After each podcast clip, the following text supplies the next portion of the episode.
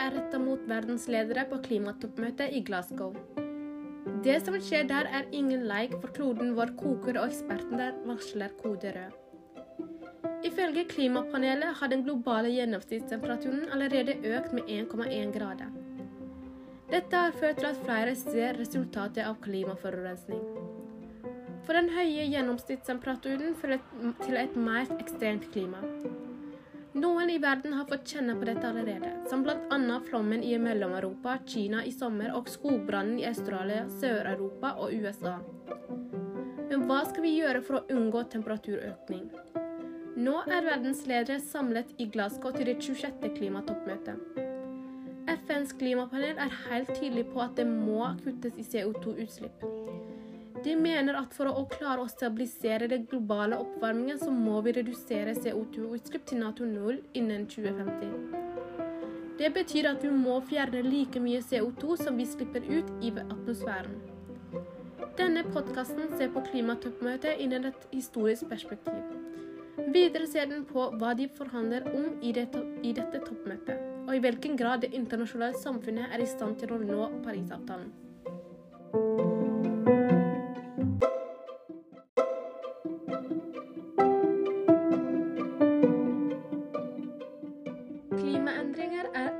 Største utfordringene verden står overfor i dag.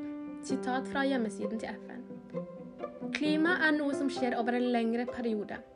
Det er ikke noe som forandrer seg fra dag til dag, men man ser på klima over flere år og hvordan dette utvikler seg. Det er store usikkerheter om hva konsekvensene er og blir, men noe som er helt sikkert kommer til å skje, er at havnivået stiger. Når temperaturen på jorda stiger, vil havnivået stige pga. havets termiske utvidelse. Isbreer og innlandsiser vil også begynne å smelte, noe som også gjør at havnivået stiger. Ifølge forskere vil havnivået stige mellom 19 til 58 cm innen 2100-tallet. Dette har stor betydning for jordkloden vår.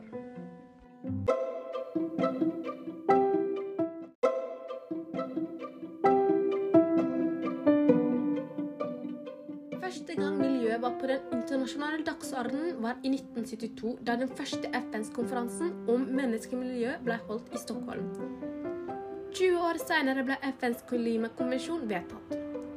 En FN-konvensjon er en juridisk bindende avtale der underskrivende forplikter seg til å overholde avtalens innhold. FN har konvensjoner som dekker de fleste politikkområder, og andre kjente eh, konvensjoner er FNs menneskerettskonvensjon og FNs barnekonvensjon. Siden 1980-tallet har arbeidet med å etablere et internasjonalt regelverk for klimagassutslipp pågått, og siden 1992 har FNs klimakonvensjon utgjort rammer for dette arbeidet. I 1997 var Kyoto-protokollen den første avtalen som etablerte konkrete forpliktelser som reduserer utslipp. Men disse forpliktelsene gjaldt bare for industriland. I 2000-tallet skulle en fremforhandle en ny internasjonal, internasjonal klimaavtale som garanterer utslippsreduksjon i alle land.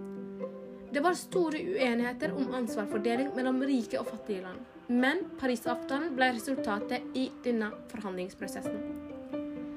Klimakonvensjonen slår bl.a. fast at klimaendringer er en felles utfordring for hele menneskeheten, og at alle land i verden har et ansvar for et levedyktig klima for fremtidige generasjoner.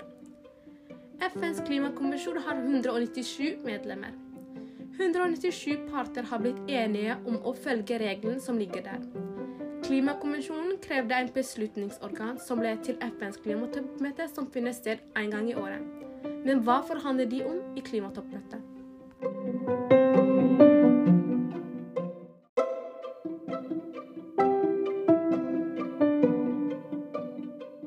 Det er flere temaer som forhandlingene dreier seg om på klimatoppmøtet. Et sentralt tema i Glasgow er målet om å begrense den globale oppvarmingen til 1,5 grader. 1,5 grader-målet må holdes i live, var mottoet til de britiske vertene for toppmøtet og man håper at klimaforhandlingene skal munne ut i en uttalelse som fremhever dette målet. Selv om dette har fått størst oppmerksomhet, omhandler forhandlinger også saker som stort sett har gått under offentlighetens radar. En av dem er det såkalte rapporttabellen. På klimamøtet i 2018 i Gatwich ble det enighet om rapporteringsregelen. Regelverket er felles for alle land, men på enkelte områder gir det fattige landene fleksibilitet som rike land ikke får. Det som nå forhandles om, er detaljert tabeller og skjemaer for rapportering. Det store spørsmålet er om det vil være mulig å bli enig om et felles system for alle og unngå separate rapporteringssystem for industri og utviklingsland. Norge inntar det standpunktet i forhandlingen at en slik splittelse må unngås.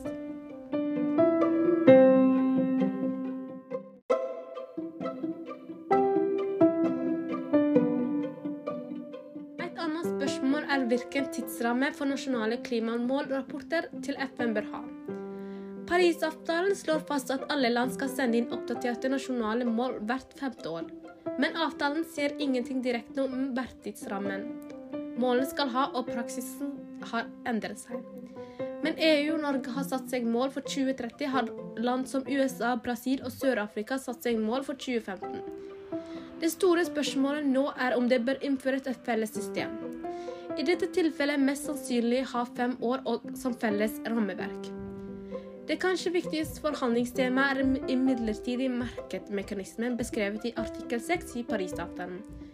Her mangler man fortsatt detaljer og regulering, og forhandlingene har allerede mislykkes to ganger. Først i 2018 i Gatwich, og deretter 2019 i Madrid. Det som fortsatt mangler, er et nøkkelmekanisme for kjøp og salg av utslippskutt mellom land.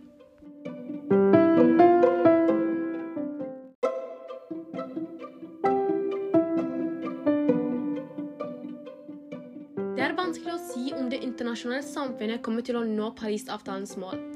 Som vi vet, har verden en hel del utfordringer for å få dette til. Det vi også vet at Gjennom Parisavtalen har verdens stater fått satt ned mål, handlingsplaner, og det er uenigheter om hvordan det skal løses. Gjennom Parisavtalen har problemer som har vært stilt tidligere, som f.eks. hvem skal ta ansvaret, blitt besvart. Samtidig har vi også fått en enighet i verden om klima som vi aldri har sett før. Aldri før i verdenshistorien har vi vært så nærme til å løse klimautfordringer. Derfor er det bare tiden som kan vise om verden kan oppnå dette.